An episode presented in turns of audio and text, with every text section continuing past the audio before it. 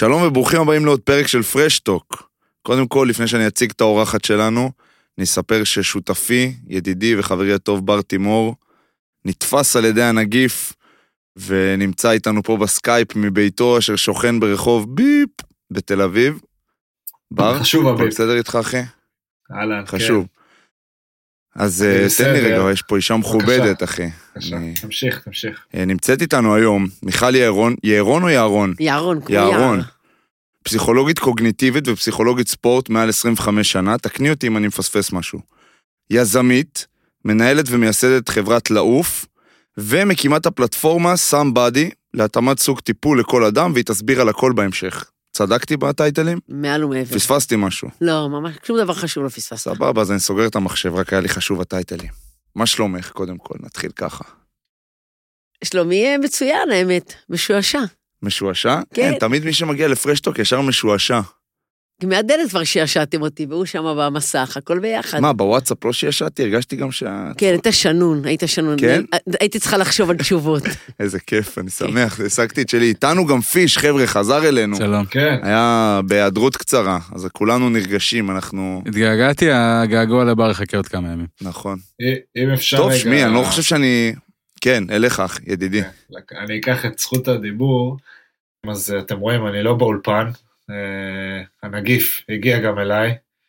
אה, ימים לא קלים.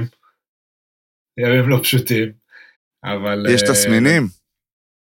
היום כבר לא, היה יומיים שלושה חרדות, אני לא אשקר, היה קשה, אבל עברנו גם את זה, זהו, מחר משתחרר, ונחזור לשגרה, מהר. יאללה, מה יש לך להגיד על זה, על התקופה הזאת שאנחנו חיים בה? ככה סתם על ה... לא, מה שיש לי להגיד זה שכולם מדברים על אה, עיבוד טעם וריח, על אה, כאבים, והוא מדבר על חרדות. נראה לי רק הנוכחות שלי פה כבר יצרה איזשהו אפקט. ישר מדברים על רגשות לידי. האמת שאנחנו מדברים על רגשות בכללי, אנחנו שני כן. רגישים ב... בתחומנו. אז, אבל זה שאת פה זה נראה לי מתבקש, אני גם לא צריך להסביר, הקשר בין אה, פסיכולוגיה לספורט וכל העסק המנטלי שעכשיו נותנים לו אולי דגש הרבה יותר גדול מאי פעם, לשמחתי, אה, הוא כאילו לא באמת צריך להסביר למה, אז הבאנו אותך גם כדי קצת שתספרי לנו על עצמך. ואיך התחלת, ולמה התחלת, אז כאילו, תרגישי חופשית, אין פה שאלות, אנחנו לא הולכים לשאול יותר מדי שאלות, אה. אני פשוט צריכה לדבר. אופס, אוקיי. כן. זה לא רעיון. לדבר עליי או לדבר על ה... ספרי לי קודם כל מאיפה התחלת, איך התחלת. איך? שבא אני. אספר לכם איך כן. בא הרעיון. כן. דווקא מה שבא לי זה לא לתוכנית הזאת, זה נעשה כשהרמקולים יהיו סגורים, אבל... אה, האמת ש... שקודם כל אני ממש ממש אוהבת ספורט מאז ומתמיד. מה שנקרא, זאתי שכשהמורה אמרה להקיף, המורה לספורט אמרה להקיף, אמרה, יש, הקיפה בשביל כל הבנות. בעולם לא עצר אותי שום דבר מלהיות בתנועה, באמת מאוד אוהבת ספורט, ראיתי, עשיתי כל חיי. אה, השתחררתי מהצבא, עבדתי בבריכה, לפרנסתי, עבדתי בלילות במלצרות, ובשעות היום עבדתי בבריכה, לימדתי שחייה ואימנתי ילדים. ועבדתי עם קבוצה של חבר'ה בני 15-16, והם היו באים אליי כמו אחות גדולה, הייתי בת 21, היו באים להתייעץ איתי. ולא היה לי מה, היו לי חושים, אהבתי, אבל אה, לא היה לי מה להגיד ממש אה, מקצועי, ופתאום אמרתי, יאללה, אני מתה לדעת מה לעשות, אז אני הולך ללמוד להיות פסיכולוגית ספורט, זהו. יפה, זה כי זה גם היית שנת- מהראשונות, מה כן, זה? שנת 85 זה היה. וואו. הלכתי, תיקנתי קצת את הבגרות שלי, שלא נראתה משהו להשוויץ בה, כי רוב הזמן בבית ספר הייתי או בתנועת נוער או בכדורסל. אה, זהו, 86 נכנסתי לאוניברסיטה לתואר ראשון לפסיכולוגיה. למדתי תואר ראשון, נרשמתי לארצות הברית ל- לעשות מסלול לשיר דוקטורט. בדרך לארצות הברית נתקעתי שנתיים במזרח, לא הגעתי. טיילתי כמעט שנתיים טוב. באסיה, כן, כן. בשנים שאף אחד, ש- זה לא היום. הקדמת את זמנך, את לא, אומרת. לא, לא, לא, הרבה כבר טילו אז, אבל כאילו, אולי נסעתי אחרי תואר ראשון, כבר הייתי גדולה, כאילו, כבר לא הייתי ילדת, אה, שפעם ראשונה יוצאת מהבית. ואז אה, אמא שלי אמרה, תגידי, מה, את לא חוזרת? אמרתי, תרשמי אותי לאוניברסיטה, אם יתקבלו, אני אבוא. ונרשמתי והתקבלתי, וחזרתי ללמוד תואר שני. התחלתי ללמוד תואר שני באוניברסיטת תל אביב, מיד בשיתוף פעולה עם וינגייט. מאוד, אה, מיד הגעתי לווינגייט ואמרתי שאני רוצה להיות שם. בהתחלה לא קיבלו אותי, לא היה מקום, אבל התעקשתי. כמו כן. כל ספורטאי טוב, וזהו, עבדתי הרבה שנים ב- בווינגייט ולמדתי תואר שני, הרבה שנים שם, ומאז אני עוסקת בתחום, כמעט 30 שנה. מדהים. את היית אה, כדורסלנית אה, כאילו בקבוצה? ב- כן, כן, שיחקתי באליצור פתח תקווה, זה לא מה שזה היום מחלקת בכלל. נוער וזה. כן, בין בין נערות, לא, בתור, לא היה נערות, בתור ילדה בת 15 כבר הייתי בקבוצה הבוגרת. וואלה. כן, הייתי מגיעה לכולם עד הפופיק, אבל הייתי רצה, זה לא הפריע לי, הייתי רצה אחרי הכדור, ואהבתי את האימונים, מגרשי אספלט כאלה עם אה, משבצות כאלה גדולות, סלי מעץ של פעם, אהבתי את זה, כן. עד היום אני אוהבת את זה. מדהים. אה, גם אה, בן רייס שהיה פה, אה, אם אתם אה, מטיבי לכת וזוכרים את הפרק, ואם אתם לא, אז לכו. נכון, המליץ עלייך, דיבר עלייך מילים חמות מאוד. כי בן רייס זה בן רייס. כן. לא, אני רוצה שפה מאחורי הקלעים, בכלל סיפרה לנו איך, איך הגענו אליה, או איך הגיעה אלינו. ב- ב- בבקשה, שלך. אז אני, אני אספר לכם, יש לי נער שאני מאוד מאוד אוהבת, שאני מלווה תקופה. זה ירגש נער- את בר, נער הוא לא מדהים. שאני מפאת הדיסקרטיות לא אזכיר את שמו, אבל אני מוסרת לו מפה את אהבתי הגדולה. והוא בא אליי לאחת פגישות והוא אמר, מיכל, את לא מאמינה, שמעתי שדיברו עלייך בפודקאסט שאני מאוד אוהב ומקשיב. ואז הוא סיפר לי על הפודקאסט, הוא אמר שבן הזכיר את שמי באיזה הקשר. אמרתי, אם בן הזכיר, אז אני אה, רוצה לדבר עם בר ועם אה, רון גם כן. וזהו. ומאז הכל היסטוריה. יפה. חלום. אליך בר תימור, כן, אתה נראה אני- מעוניין... אה, לא, אני קודם כל מרגיש כאילו היום אני יותר אקשיב מאשר אדבר, אבל אה, אין לי בעיה עם זה. אתה דיברת מספיק, תגיד לו. דיברת מספיק, גדי. סוכניק. יפה. אה, מעניין אותי לדעת דווקא אה, היום, או בכלל באופן כללי, אה, על הבדלים שאת יכולה לספר לנו בין ספורטאים אה, קבוצתיים לבין ספורטאים אישיים, אם, אם יצא לך לעבוד גם עם, אה, נגיד ראיתי הרבה שאת מדברת על ג'ודו והרבה על כדורסל. אה, ואני מניח שגם בהיבט המנטלי יש פה דברים, אה, אה, היבטים שונים, ובטח יש גם דברים דומים, אז מעניין אותי לשמוע ככה על זה ועל זה.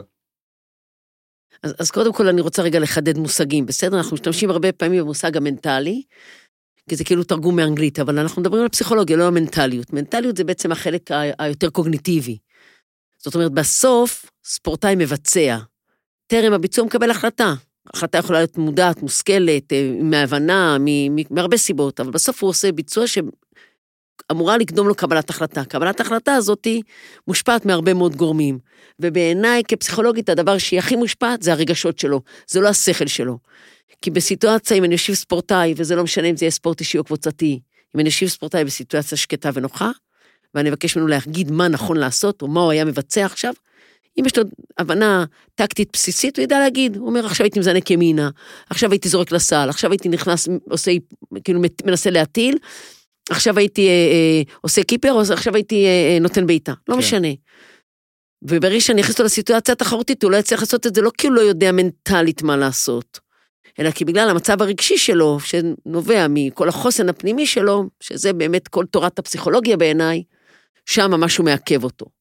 שם משהו לא מאפשר לו, הפחד לטעות, החרד, החרדת ביצוע, הקושי מביקורת, הרצון, הפחד לאכזב, הציפיות, וכולי וכולי, תלוי בגיל, בשלב, בהתפתחות, במקצועיות שלו. אבל בסוף, החוסן הנפשי שלו, זה המשהו שמאפשר לו בסוף לעשות את הדבר שהוא מבין מקצועית שהוא צריך. במידה ויש לו את היכולת הפיזית כמובן. אז אני חשוב לי לחדד את זה, שבעיניי הדברים הם לא מנטליים, הם פסיכולוגיים, הם משהו רגשי. זה כן. בסוף משהו שמעכב אותנו. ואם אני מתחבר לזה, כי מה שאמרת אני מסכים איתו, אבל נגיד, תקני אותי אם אני טועה, יש איזשהו, יש את השלב הזה שאתה ילד ואתה משחק כמו ילד, שאתה לא באמת חושב ולא באמת, אה, כאילו שום דבר לא יכול לעכב אותך, אם אני חושב סתם על עצמי, שאני משחק בין, אה, אולי אני לא זוכר, אבל שאני בן 15 או 16 או 17, אני לא יודע אם חשבתי עכשיו יותר מדי על השלכות.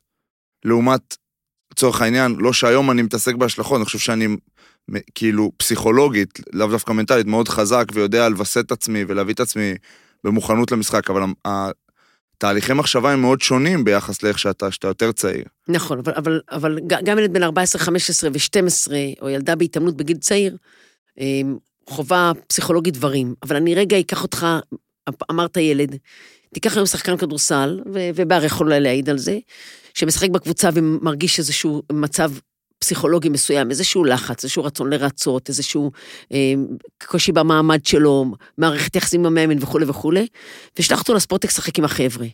והוא יחזור לשחק כמו ילד.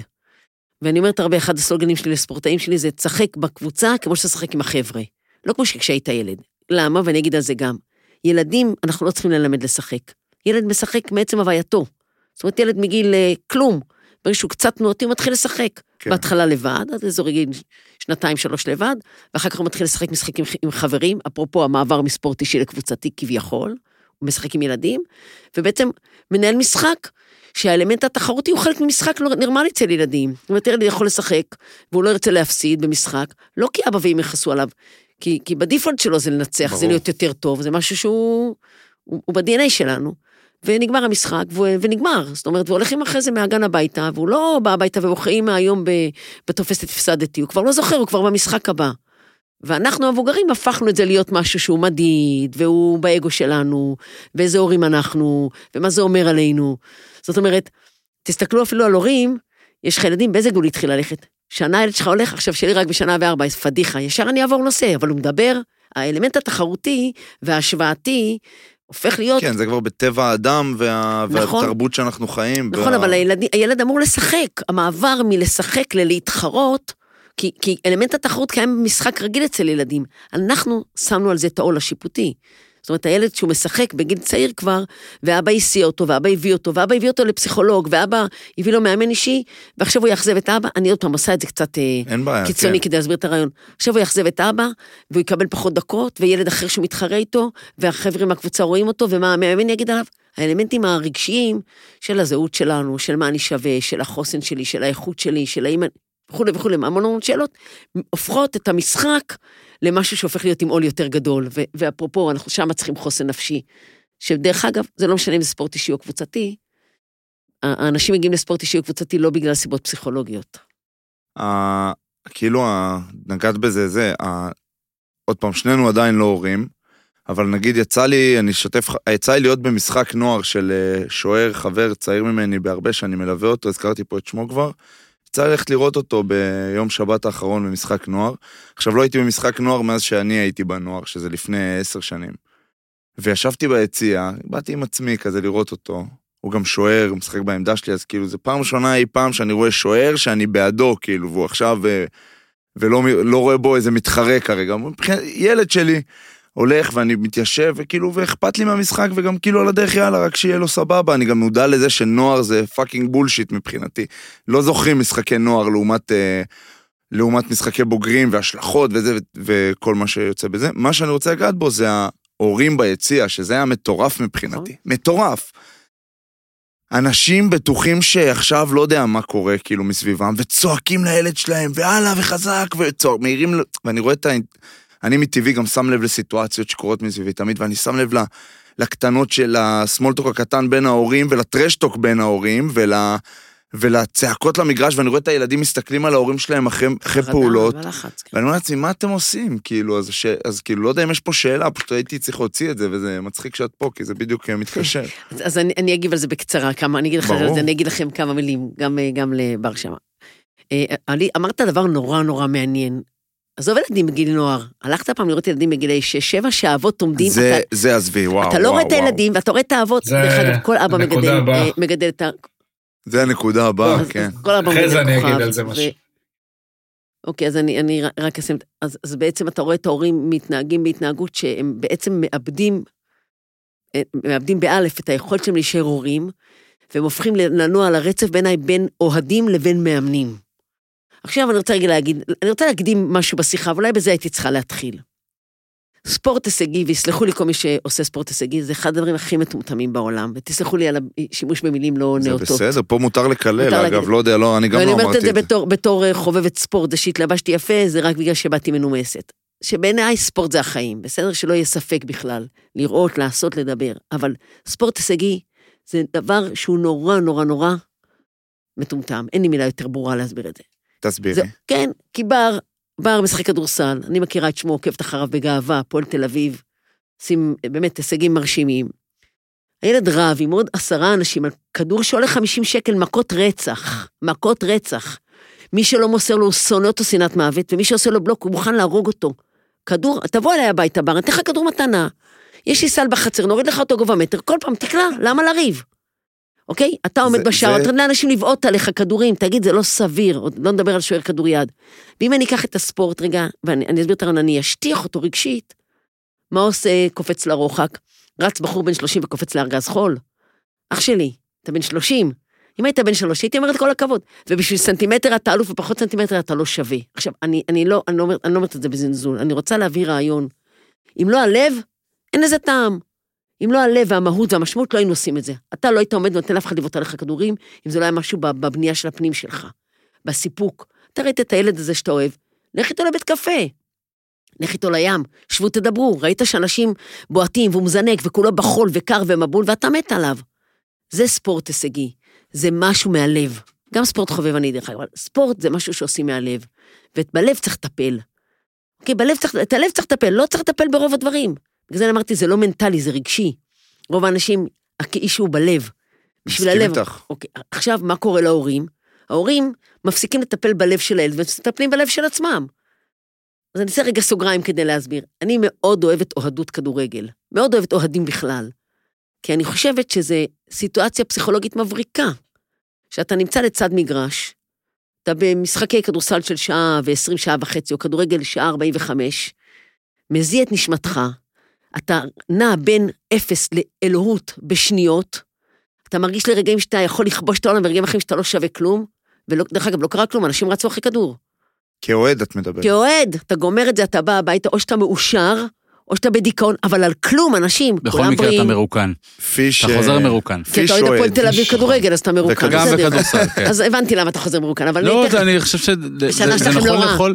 כן. אני חושב שזה נכון לכל כל, אה, קבוצה, כן, או כן. לא קבוצה, כל בן אדם, לצורך העניין שבא לזה באמת באהבה והוא אינטואיט, אז בסוף הוא, אני חושב שלנו בר חוזרים מרוקנים פיזית, כי מ... מ- מ- גם נפשית. נכון, נכון. אני חוזר מרוקן, או או מלא, או מאושר. אתה חוזר- עדיין מרוקן, כן. אבל מאושר, אבל אבל עם... מטופל, כאילו. התעסקת עם הלב, הדופק עלה, ו- ובעצם אני אומרת, אנשים זה על כלום, ועשינו עבודה רגשית נהדרת, זו סובלימציה מטורפת.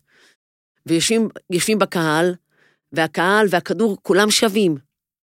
אה, אני, אני רציתי ל- לשאול, להגיד, מעניין אותי לשמוע את דעתך. אה, אני לא יודע אם, הילדים שלך, אה, אני לא יודע גם לכמה הם פחות או יותר, מתעסקים בספורט או לא, אבל אה, יש איזו נקודה שאני בשנים האחרונות מאוד מאוד חושב עליה, יותר מהצד המקצועי של כדורסל. אני חושב את זה, יכול להיות שזה גם נכון ורלוונטי לגבי כדורגל.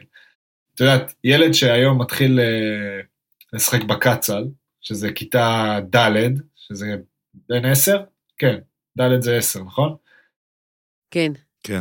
נכון, זהו. הוא כבר הולך לליגה. זאת אומרת, המהות שלו בתור תחרותי, אה, בתור ספורטאי תחרותי, מתחילה כבר בגיל עשר. וכמו שדיברתם על הורים, אתה הלכת לראות אה, בחור בן 18, שעוד רגע מתחיל קבילו. בוגרים. אפשר לקרוא לו בשמו. סבבה? אה, ואצל ילדים בני עשר זה אפילו הרבה יותר גרוע, המבטים להורים, אה, התקשורת של ההורים עם הילדים, כי זה גם כאילו צריך את זה, וההערות האלה, ומעניין אותי לשמוע אם את לא חושבת שזה עושה בטווח אולי, לא יודע, קצר או ארוך, איזשהו נזק, איזשהו נזק לילדים, אני חושב שזה, מבחינת כדורסל נטו מקצועי, אני בטוח שזה עושה להם נזק, העניין התחרותי הזה. אה, מעניין אותי לשמוע על הצד הפסיכולוגי, על הרגשי, אם את חושבת שיכול להיות שעצם זה שבגיל 10 הם צריכים כבר להיות בליגה, זה עושה נזק, אולי, אולי את חושבת שזה דווקא לא. אני אשתף, אותך- מה הספרות אומרת וגם מה אני חושבת אישית. הספרות יכולה מציגה שני, שתי ורסיות. אחת אומרת בוא תתחיל בגיל צעיר ותתחסן ותלמד להתחרות. והשנייה שאני יותר אוהדת אותה ואני חושבת שהיא יותר פופוליסטית גם ויותר אה, רבה, אומרת אה, אה, להתחרות בגיל צעיר מדי, זה לא נכון. יתרה מזאת, ילדים בגיל צעיר בארצות הברית מראים, צריכים לעשות הרבה ענפי ספורט ולהתחיל להתמקצע בגילי 14-15.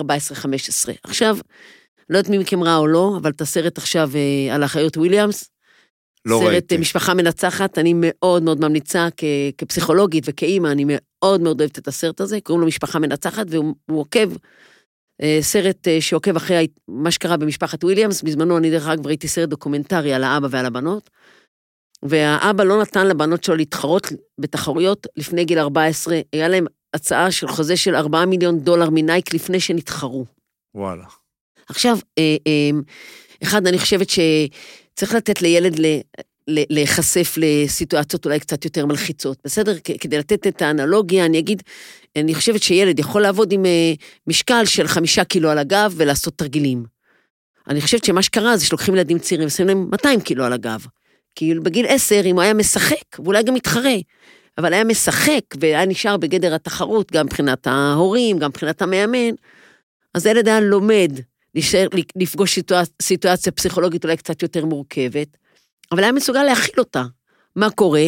המאמנים משתוללים על הקווים, צורכים, מעליבים, יסלחו לי אלה שלא עושים את זה, אבל כולנו רואים מה קורה במגרשים, ברוב הענפים, אה, אפרופו גם ספורט אישי וגם ספורט קבוצתי.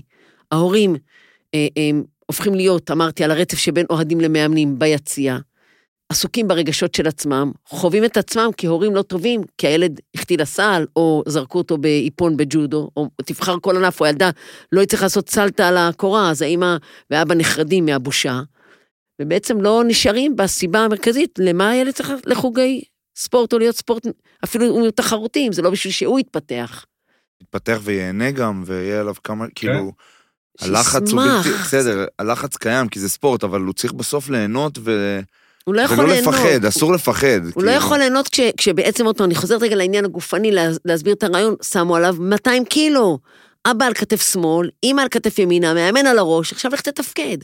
כאילו, עול העולם על הכתפיים שלו. ופה יש את ההחמצה הגדולה, ויתרה מזאת, ככה זרקתי לך לפני כן ואמרת שאתה רוצה שאני אגיד את זה, כל ההורים, עוד פעם, אני אומרת הכללה, ואני מתנצלת מראש בפני אלה שהם ברור כאלה. שיש כאלה שלא. ברור, ברור, אבל הרבה מאוד הורים, ואתם רואים את זה במגרשים, הופכים להיות עוזרי מאמנים.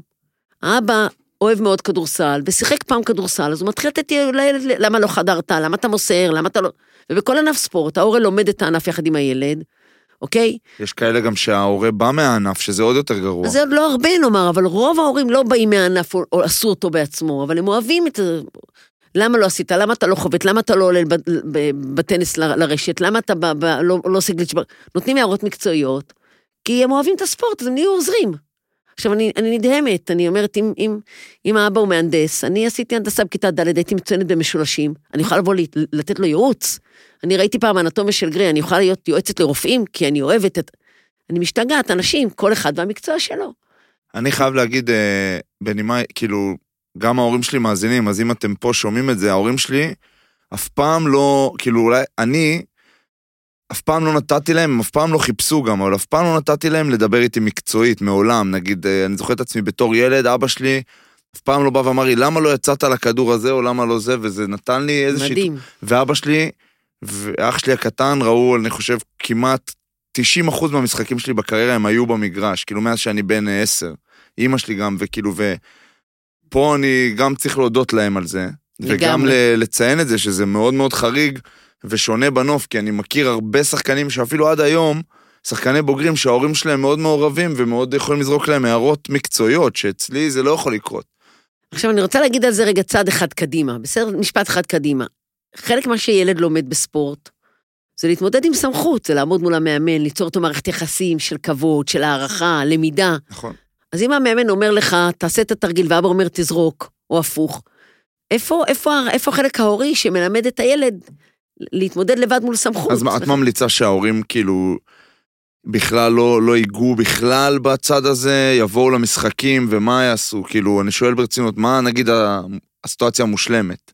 איך להתנהל מושלם? נגיד עכשיו מאזין לנו הורה צעיר, לשחקן צעיר, מה את ממליצה? להיות אבא שלו, ל- ל- להביא אותו, אה, לאסוף אותו, לשאול איך הוא מרגיש, אה, לדבר איתו על, אה, על החברים לקבוצה, לדבר איתו על בית ספר, לדבר איתו על, על סרט שהוא ראה, לספר לו על העבודה שלו, לבוא לראות את המשחקים שלו. ולא ל, ל... כאילו, והילד בוכה אחרי משחק, לא להיכנס איתו, היית צריך לעשות ככה, איפה יודע בכלל. אבא? ואם הילד בוכה אחרי מבחן, ילד בוכה אחרי מבחן מתמטיקה על, על, על שברים עשרונים, כן, אבל יש מושג. טיפים שאת יודעת שהם כלליים, שהם לא מקצועיים, להתמודדות. אה, הוא לא מוס... הילד בא, בוכה, הוא לא מוסר לי בכוונה. זה, זה לא שאלה מקצועית, השאלה אם זה אני... לא מקצועי, אני לא, אומר. אז אני אומרת, אז זה אבא יכול להגיד לו, כן. אני מבין שזה לא נעים לך. אתה יודע, משפטים של פסיכולוגים, יכול כן. לחבק אותו, יכול להגיד לו, זה בחירה שלו, אתה לא, אתה לא שולט על הילד האחר, בוא תראה מה אתה יכול להשתפר. זה, זה לא מקצועי, זה אין לי בעיה שהורים יעשו אקט חינוכי דרך הספורט. ספורט זה כלי חינוכי. אבל ההורים אומרים, אני- "הילד- באמת הילד הזה הוא לא טוב, הוא לא שווה לך, באמת, אה, אל תמסור לו בחזרה. כן. יופי של. אתפ- אני אתפרץ פה ל... אחי, זה הפודקאסט שלך, אתה לא מתפרץ. אתה לא, לא. מחליט פה. כן. אה, חבר'ה, חבר'ה, חבר'ה, בואו נירגע. אני אתפרץ פה לדלת, אה, חרוזים. אה, אני אספר על אבא שלי, שהוא גם מאזין וגם מתמודד לתואר האבא הטוב בעולם. אז. אצלנו, אצלנו זה... רגע, רגע, רגע, מה זה מתמודד? הוא לא זכה? זכה. לא, הוא, מת, הוא מתמודד לבד, זה ברור שהוא זכה. Uh, בקיצור, אבא שלי גם ליווה אותי כל הקריירה, באמת, אני חושב, מ... מ זה מצחיק להגיד משחקים בקצ"ל, אבל אה, אשכרה בכיתה ה'-ו' היינו צריכים אה, להביא אליפות, והייתי בהפועל חיפה, אז אסור להפסיד דרבי למכבי חיפה, זה כאילו, אין דבר כזה. העולם יחרב יום אחרי אם לא תנצחו. ממש, אחי, ממש, אתה יודע, היום, ברור, מה, אני מסתכל על מכיר את זה. בשני- כן, אני יודע שאתה מכיר את זה, אני מסתכל על זה גם מכמה כיוונים, מצד אחד כנראה בתור ילד גם לקחנו מזה דברים, ו... ולא יודע, היינו מאוד תחרותיים ורצינו לנצח בכל מחיר, וכנראה כן אה, לקחנו מזה דברים הלאה לחיים, אבל אה, הטירוף והחוסר היגיון של ילדים כיתה ה', ו', ז', רואים וידאו, וידאו לפני משחק, אה, עזוב, דברים הזויים. אה, אני אחזור שנייה לאבא שלי. שדרך אגב, אני, רגע, רגע. אתפרץ לך לדברים. למה, למה, למה להראות לילדים וידאו כתהליך למידה הוא לא טוב? אם זה ללמד אותם לראות וידאו, לא, להבין איך הוא מדבר מסתכלים. על לא. וידאו של הקבוצה לא, היריבה. של הקבוצה היריבה. וידאו של כן, הקבוצה היריבה, זה התרגיל. זה לימוד, לא אם. בסדר, בכיתה ו' אני חושב יותר, שצריכה לא אה, לשחק. כן. כתב ו' אפשר ללמד יסודות, לסיים בעצמו, סתם, אני, זה, זה היה יותר חשוב להראות לנו את התרגיל. של, אה, של כן. טבעון, כן. ברור. אה, בכל, בכל מקרה, בכל מקרה, אה, אבא שלי, היה לנו איזה רגע, אני חושב שהייתי באיזה כיתה ט', היינו במשחק בקריות, בקריית אתא, אני לא אשכח את זה, והוא פתאום צעק, לי, מהיציע. ואבא שלי לא היה, לא היה כזה, זאת אומרת, יכול להיות, הוא כנראה כן, תמיד עודד אותי כזה, יאללה בר, יאללה בר, אף פעם לא אמר לי, תעשה זה, תזרוק, תחדור, בחיים לא. ופתאום שם זה יצא לו. ואני זוכר שבאמצע המשחק הסתובבתי אליו וצעקתי לו סתום את הפה, או שתוק, משהו כזה. ושנינו, אתה יודע, גם אני נבהלתי מזה שבכלל אמרתי את זה, וגם הוא נבהל. ישר באתי אחרי המשחק וביקשתי סליחה, אבל הוא נורא הבין את המקום הזה. והרגעים הכי שאני זוכר כל החיים, ואני גם אזכור תמיד, זה נבחרות צעירות שבהתחלה יש כזה מיונים, אז uh, נוסעים לעמק יזרעאל, זה היה איפה שאנחנו היינו, מתיימ... מת... היה המיונים שלנו, הוא היה לוקח אותי קבוע. וזה היה יום, ש... יום שבת שלנו, היה לוקח אותי לשם, והיה מחזיר אותי, ובדרך עוצרים ואוכלים, וגם שם לא היה איזה שיח, זה כבר היה אחרי המקרה שסיפרתי לכם, לא היה איזה, איך היית באימון. וחדרת, ותעשה נורא כזה מכיל, נורא, אם אתה רוצה לשתף, אז הוא מקשיב. אה, לא נותן טיפים כאלה, את יודעת, אה, של אה, אתה צריך יותר לזרוק ויותר זה. ועד היום נורא נוח לי לקיים איתו את השיחות האלה, כי גם היום אני יודע, אתה יודע, לשים את הגבול או לעצור. אז דווקא אם יש ילדים או משהו שמקשיבים לנו, בגלל שזה הורה, לפעמים צריך לדעת במרכאות, לשים את הגבול גם להורה, ולדעת לנהל איתו את השיח כמו שזה נוח לך ומתאים לך, כי בסוף זה אבא שלך או אמא שלך, זה לא משנה. אז. אני, אני רגע אהיה פסיכולוגית בעניין, וכנראה, אני מנסה לשער, ואני מתנצלת אם אני טועה, אמ, מערכת היחסים שלך עם ההורים לא סבבה רק סביב הספורט, וזה לא שהיכולת שלך להגיד לאבא שלך לא, היא כנראה טעמה את כל מערכת היחסים, אוקיי? זאת בתוך כל הקונסטלציה של הקשר, ש- או בתוך כל התא המשפחתי שלכם, העניין של אה, אה, כבוד הדדי ושיח פתוח, היו חלק מהשיח בבית. זה לא שבאת נכון. מבית של הורים שלא היו קשובים ופתאום קיבלת אומץ להגיד. למה אני אומרת את זה? כי קודם כל שאפו על אבא שלך, וכמובן על, על, על ההורים שלך, כי זה לא מובן מאליו, לצערי הרב. אה, בסוף ילד לא גדל בריק, והוא גדל בתוך סיטואציה משפחתית, והוא רואה מה הערכים המשפחתיים.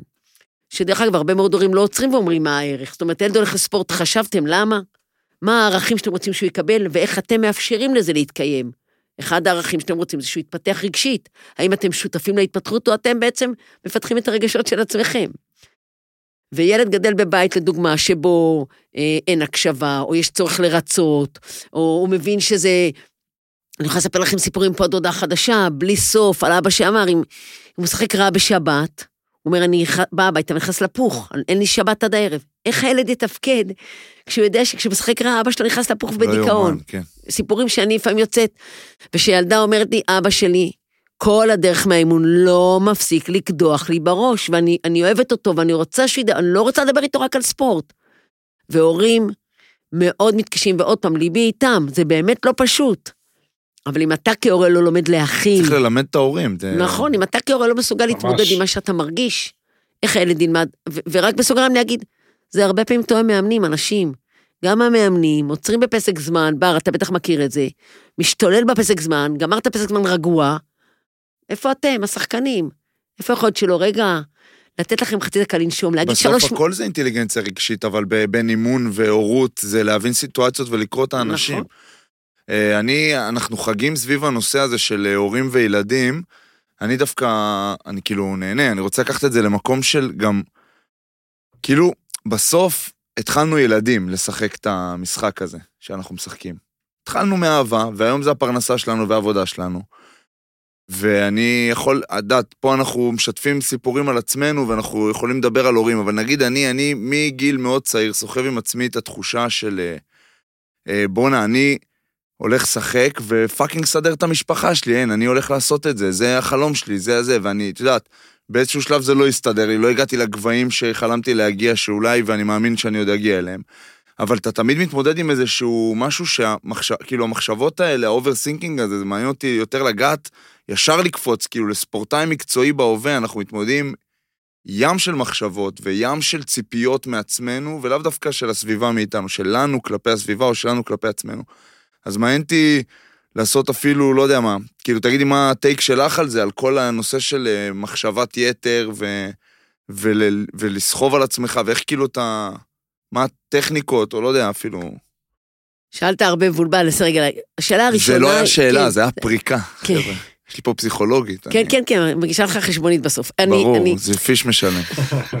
הש, הש, השאלה, השאלה שלא נשאלה היא בעצם, אה, למה אתה עושה את זה? זאת אומרת, בשביל מה אתה עושה את העניין הזה? האם זה רק לאקט של פרנסה? היום אתה יכול להגיד, זה הפרנסה שלי? האם זה משהו שצמחת למימוש עצמי? האם זה משהו שהרגשת שזה הדרך שלך לבטא את עצמך? האם, זאת אומרת, יש פה משהו זה- שהוא הרבה זה- יותר ראשוני. זה, זה ברור, זה, זה גם הדרך שלי לבטא את עצמי, זה גם אוקיי. הדבר שאני הכי אוהב לעשות. זה גם הדבר כן, שאני הכי טוב, חושב ש- הכי טוב בו. ככל שאתה מתבגר גם זה כנראה משלב את הכל מהכל, כמו ש- בדיוק. שרון אמר, אתה, אתה גם רוצה לפרנס, אתה גם רוצה לעשות את מה שאתה הכי אוהב, אתה גם רוצה לעשות את מה שעושה לך כל כך טוב, כאילו זה כבר לא רק משהו אחד, זה כבר המכלול הזה של הכל ביחד.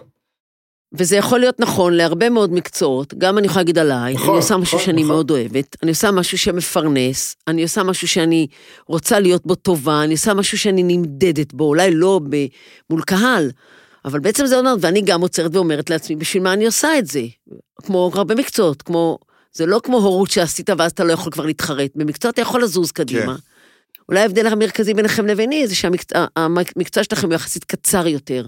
ההחלטה היא בגיל מוקדם, והמימוש הוא גם עד גיל מוקדם. זאת אומרת, אתה בגיל אה, שמונה חלמת להיות שחקן כדורגל, שוער וכולי וכולי, והצלחת באמת להישאר, כי אנחנו רואים שני גלים גדולים של פרישה, אפרופו, גם בתחילת גיל ההתבגרות, 12-13, מתחילים לפרוש, ואז בישראל גם לקראת הצבא, גיל 17 יש פרישה גדולה, ומעט מאוד, מעט מאוד, אחוזים בודדים ופחות מאחוז, הופכים ספורט להיות, אה, להיות מקצוע. כן. בר, תחשוב על כל מי שהתחיל איתך, בשנתון שלך. אה, וכמה אצלנו, היום... אצלנו זה עוד יותר, שם יש 12 כל קבוצה, אצלנו כן. זה 30 ילד כל קבוצה. ובמחזור יש שלושה שעולים לליגה, וכמה בסוף נכון. משתלבים בליגת העל שלושה, כן, כלום נכון. כלום. משהו כמו חצי אחוז. ממש ככה. מ- מ- בין הילדים שמתחילים. אז אני אומרת, בסוף, כל ילד חולם לעשות משהו שימלא ו... ויהיה בשבילו משהו שהוא יגיע גבוה איתו. היום כאדם בוגר, בחרת לך מקצוע שאמור למלא אחר ה... או בחלקן של הציפיות שלך, וקרוב לוודא שגם לא, לא בכולן. וזה מחזיר אותנו לתחילת זה השיחה. גם אה, לא קל להתמודד עם זה שלא תשלים את כל הציפיות שלך. אנחנו זה נכון- שואפים לשלמות מעצם היותנו ספורטאים, שואפים ל... לנצח הכל. ברור שלומדים באיזשהו שלב להבין שההפסד הוא חלק מהזה, וכל המנטרות והדברים שאת יודעת, שכבר הפכו לקלישאות, אבל הם נכונים. אבל אה, גם בר, גם אני, גם כל ספורטאי שאני מכיר, אנשים רוצים כאילו להגשים את עצמם עד הסוף, ו- ומי שיותר פרפקציוניסט או יותר חולם בגדול, אז כאילו אתה תמיד, יודעת, מה שחלום בעיניים של מישהו שלא הגיע להיות שוער כמקצוע, אני חלמתי להיות שוער בליגה ספרדית, אז כאילו אני צריך להתמודד יום-יום עם התחושה של, טוב, אני משחק רגע ליגה לאומית, מבינה? ואני מצליח להתמודד, ואני מצליח לאהוב וליהנות, אבל זה פשוט התמודדות שצריך נכון, לדבר אני- עליה. אני, אני מאוד מבינה, אני, אני מסכימה, אני גם רוצה להגיד, בהתחלה שהצגת, אמרת שאני לא רק פסיכולוגית, אני גם עוסקת ב, ביזמות. נכון. ו, ולפני כמה שנים החלטתי להקים מיזם, סאמבדי, המיזם הזה, שמטרתו באמת לעזור לאנשים למצוא אנשי מקצוע בעולם הנפש. ואחד הדברים שאני כל הזמן אומרת לשותפה שלי, ועכשיו לאלה שעובדים איתי ביחד, אני אומרת, יש דבר אחד שהוא יהיה ההבדל בינינו לבין אחרים, התמדה ועבודה קשה. אם אנחנו נמשיך להתמיד ולהאמין, שום דבר לא יעצור אותנו, ואנחנו רואים את זה מיום ליום, את, את ההבדל, איך אנחנו כסמבדי, כמיזם, הולך וצומח ותופס תאוצה, כי אנחנו עובדים קשה, ונורא נורא נורא מאמינים, והתמדה, והתמדה, והתמדה, והתמדה. אז החלום שלי, שיותר קל למימוש, כי אני לא מוגבלת בגיל. זאת אומרת, בגלל, ש, בגלל שספורט זה משהו פיזי, אז אתה מוגבל בגיל. דרך אגב, אני אגלה לכם שנניח רוכבי סוסים לא מוגבלים בגיל. יש רוכבים אולימפיים, גם מתקרבים לגיל 60, אבל ברוב הענפים שאתה עושה משהו פיזית, כמה שנים אתה עוד תזנק לתוך הבוץ? עוד עשר, כי זה יחסית עוד שוער, זה גיל נכון. מבוגר. בר, טוב, בר הוא מעל, מעל הטבע, אבל עקרונית, רוב שחקני הכדורסל, וואו, וואו. הבינה מהר. בואנה, צריכה אה, לבוא ראית? כל פעם. מה זה? איזה כיף. לא, אני אין אלך זמן. הביתה, אני היינו, אם היינו יודעים, אני הייתי חוטף את הנגיף, אתה איזה היית כיף. בא לפה. לא, והייתי מחמיאה לך גם אומרת שאתה, נכון, מעל- נכון. שהנגיף לא רוצה לעזוב אותך, וה- ולא בר הוא המקום הכי טוב להישאר. אתה המקום הכי לא, טוב לא, להישאר. את מחמיאה לבר זה כאילו החמאת לי, הלב שלי מתרחב אוטומטית. כן, אנחנו ביחד. כן, גם כן, במחמאות אנחנו ביחד. ברור, אמרתי, אני הבנתי את זה, מה- גם בכישלונות, אתמול הפסדתי משחק, בר כואב את כאבי. בגלל זה הוא לא מבריא, מה אתה. חושב? נו, ברור. אז אה, מאיפה היינו? אני עושה כבר, אתם אסוציאטיביים יותר גרועים ממני, אתם. איפה היינו? אצל בר. היינו- אמרנו שהקריירה שלכם יחסית לא, יותר ה- קצרה. כן, בדיוק. לא, והיא- תלויה בעניין הפיזי.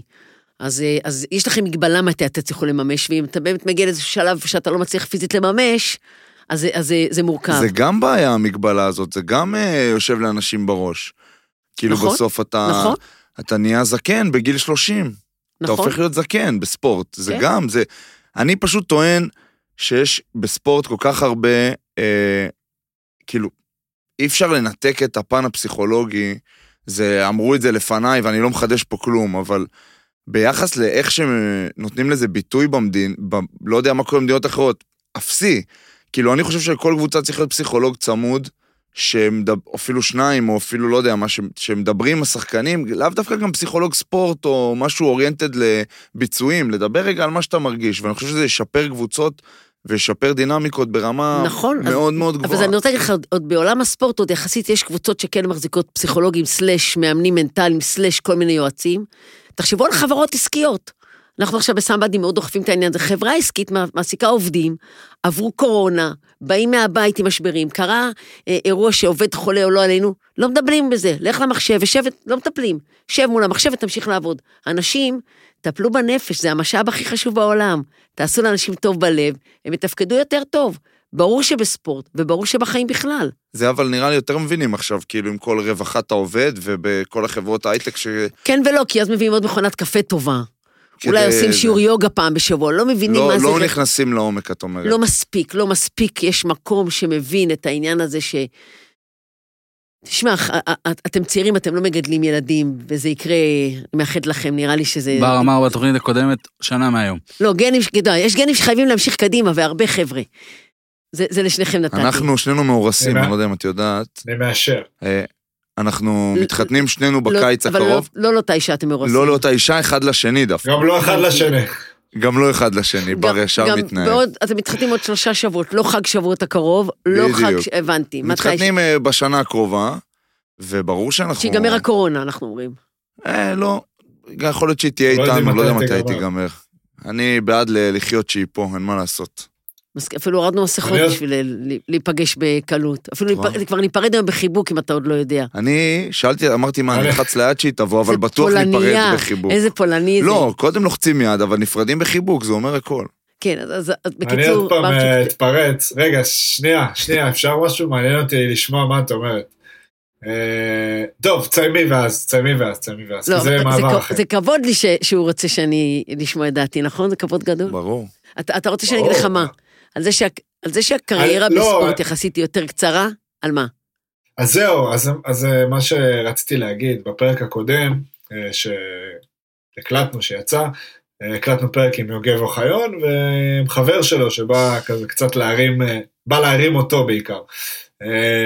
וחבר שלו הוא גם ספורטאי לשעבר, שלא היה ברמות של יוגב או שלנו, אבל גם היה. עומר שמידת, ו- עומר תותח. שמידת וגם, וגם שיחק, אה, את יודעת, כמו, כמו מגיל אה, ילדים, ואפילו קצר.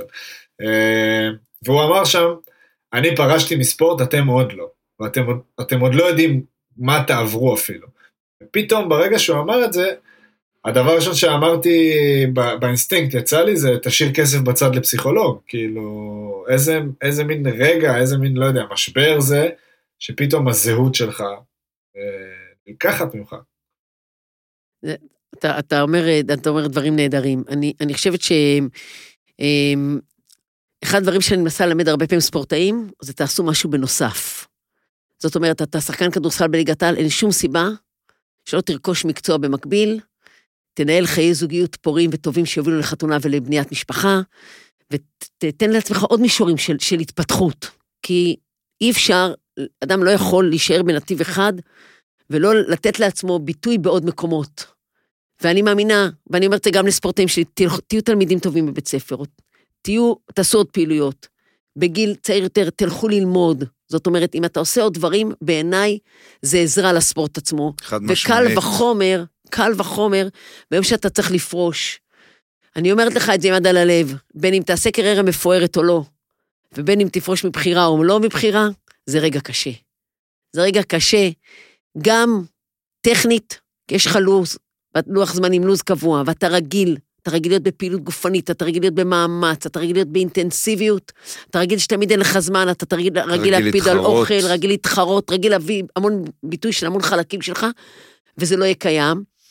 וגם ברמה הרגשית, זאת אומרת, ברמה היומיומית, הביטוי של זה היומי, וגם ברמה הרגשית של, באמת של שאלות, האם אני מסכם קריירה אה, שאני שבע רצון, או לא שבע רצון, עכשיו אני רגע אכניס לזה תיאוריה.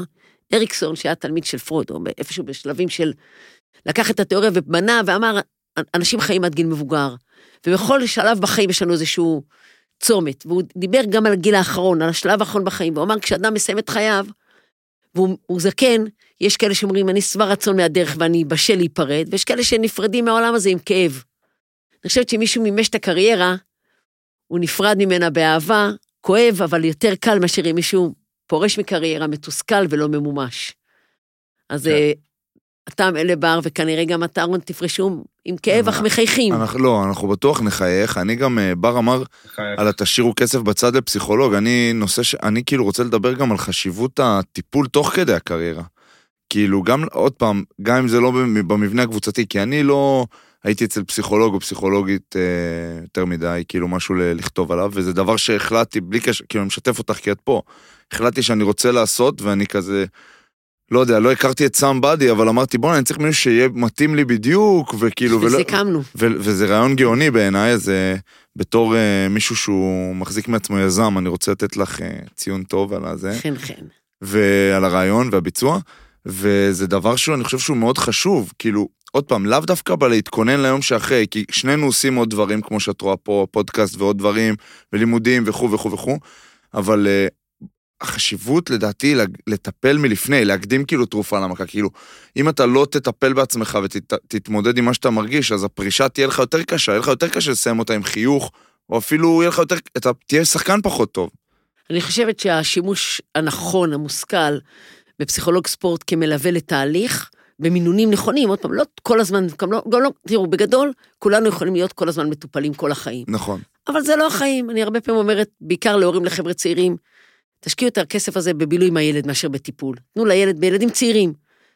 תפתרו להם את הבעיה, תשחררו אותם מהלחץ, תנו להם ליהנות מהחיים. זאת אומרת, טיפול פסיכולוגי כזה או אחר, או כל סוג של ליווי נפשי, הוא מבורך והוא טוב.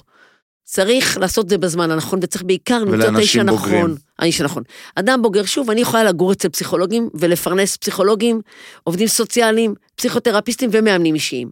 אבל החיים, אתה יודע, הם יותר כן, מורכבים אבל מזה. בוא נמצא, כאילו, את יודעת, את אומרת, יכולה נכון. להיות יום שלם, אבל יש אפס ויש מאה, כמו שאת אומרת. נכון, אז אני חושבת. נכון, שכן צריך, זה נכון בתקופות מסוימת לדעת להשתמש בכלי הזה, לדעת להגיע, לקבל עזרה, זה יכול להיות לפעמים תקופה קצרה ולפעמים תקופה יותר ארוכה, ממישהו שאתה מייצר איתו קשר בין אישי חשוב, משמעותי, טוב, שהוא איש מקצוע שיש לו את ההכשרה לתת לך את, ה, את העזרה, ואתה בונה איתו מערכת של אמון, ואתה סומך עליו, ואתה מרגיש שאכפת לו ממך, והוא רוצה לעזור לך, ואתה במרכז התמונה.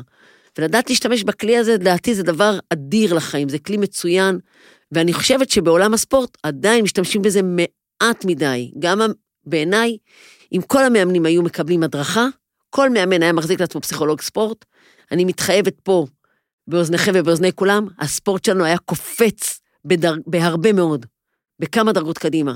כי מאמן היה יודע לנהל פסק זמן, מנהל היה יודע לנהל את האגו שלו, מאמן היה יודע לנהל את אמרת, הרגשות אמרת שלו. מנהל במקום מאמן, וזה בדיוק הנקודה, שבסוף מאמן נכון. זה מנהל, וצריך מנהל, כאילו ל- כן. לדעת לנהל את הצוות, לדעת, או שבסוף המנהלים מתערבים יותר מדי בקבוצות, כן, לא ניכנס לא, גם אני לזה. מתכוון ל- לזה שמאמן צריך, זה כמו מנהל עכשיו בחברה, שצריך לדאוג, כאילו ש... וזה, את רואה נגיד, הקבוצות המצליחות והמאמנים הטובים, זה אנשים שמקיפים את עצמם בצוותים מאוד מאוד גדולים. לי יש סלוגן שאני תמיד אומרת, שהכל, כן. אני קוראת לזה הכל מתחיל בשוליים. קבוצת כדורסל טובה זה לא הקבוצה שיש לה החמישי הטובה, זה הקבוצה שהשחקן ה-12, 13, 14 מרוצים, ונמצאים על הספסלים חיוביים. זאת קבוצה שתצליח. וזה מאמן שיודע לתת לכל אחד את המקום שלו ולהתייחס גם לקצה. מי שמבין את זה, ויודע גם לשחקנים הפחות טובים, הפחות משמעותיים מקצועית, לתת את המקום בערך הקבוצתי, זה קצת עונה לך בר על מה שהתחלנו את המפגש היום, עושה פה רווח מאוד מאוד גדול לקבוצה קרא לזה ולעצמו. מפגש. זה ידעתי שזה יהיה כן. מפגש. מפגש נכון, חברים, נכון, מה? נכון. לא, זה תקשיב, מתי פעם. אחרונה ישבת לבד עם אה, שלוש נשים יפות? אני יושבת עם שלושה גברים יפים, מה רע לי? צודקת. אני, אני. לא יכול להכחיש את זה, אני לא, באמת. יש רק, רק רציתי להגיד דבר אחד, שהליגה הטובה בעולם... תחמיא נקרא לזה לפיש. בדיוק, כן. אה, הפרמייר ליג, הליגה האנגלית בכדורגל, שזה נקרא לזה ה- ה- ה top, גם הכלכלי וגם המקצועני, למאמן שם לא קוראים coach, הוא ה manager. הוא ממש, ה... הוא מלמעלה, הוא, הוא, הוא שולט בהכל, והוא, גם אם הוא לא נמצא בכל, הוא כן נמצא בכל אימון, אבל הוא לא מעביר כל אימון, הוא, יש לו איזושהי ראייה מערכתית מלמעלה, ולכן הם גם אה, קוראים לזה ככה. בדיוק עשיתי מבחן ב... וואו, ברח לי השם של המקצוע, זה לא מבשר טובות. באתי להגיד משהו, אה, תרבות ארגונית. כן, ככה זה כשמקבלים 100. לא, איזה 100, קיבלתי במבחן הזה איזה 76, אבל uh, מערכות מידע 84, חבר'ה. דברו איתי, תקופת. מבחנים. אז רגע, אז מה נגמר עם המבחן בסוף? אה, לא, רציתי להגיד שזה תרבות, שזה תרבות, אה, עוד פעם שברח השם של המקצוע, וואו. תרבות ארגונית, משהו תרבות כזה. ארגונית, תרבות ודיברנו על ארגונית. manager, ואיך פורסים סמכויות וזה, כן, תודה בר. יכול להיות שזה לא השם של המקצוע גם- בסוף, וסתם ברחתי.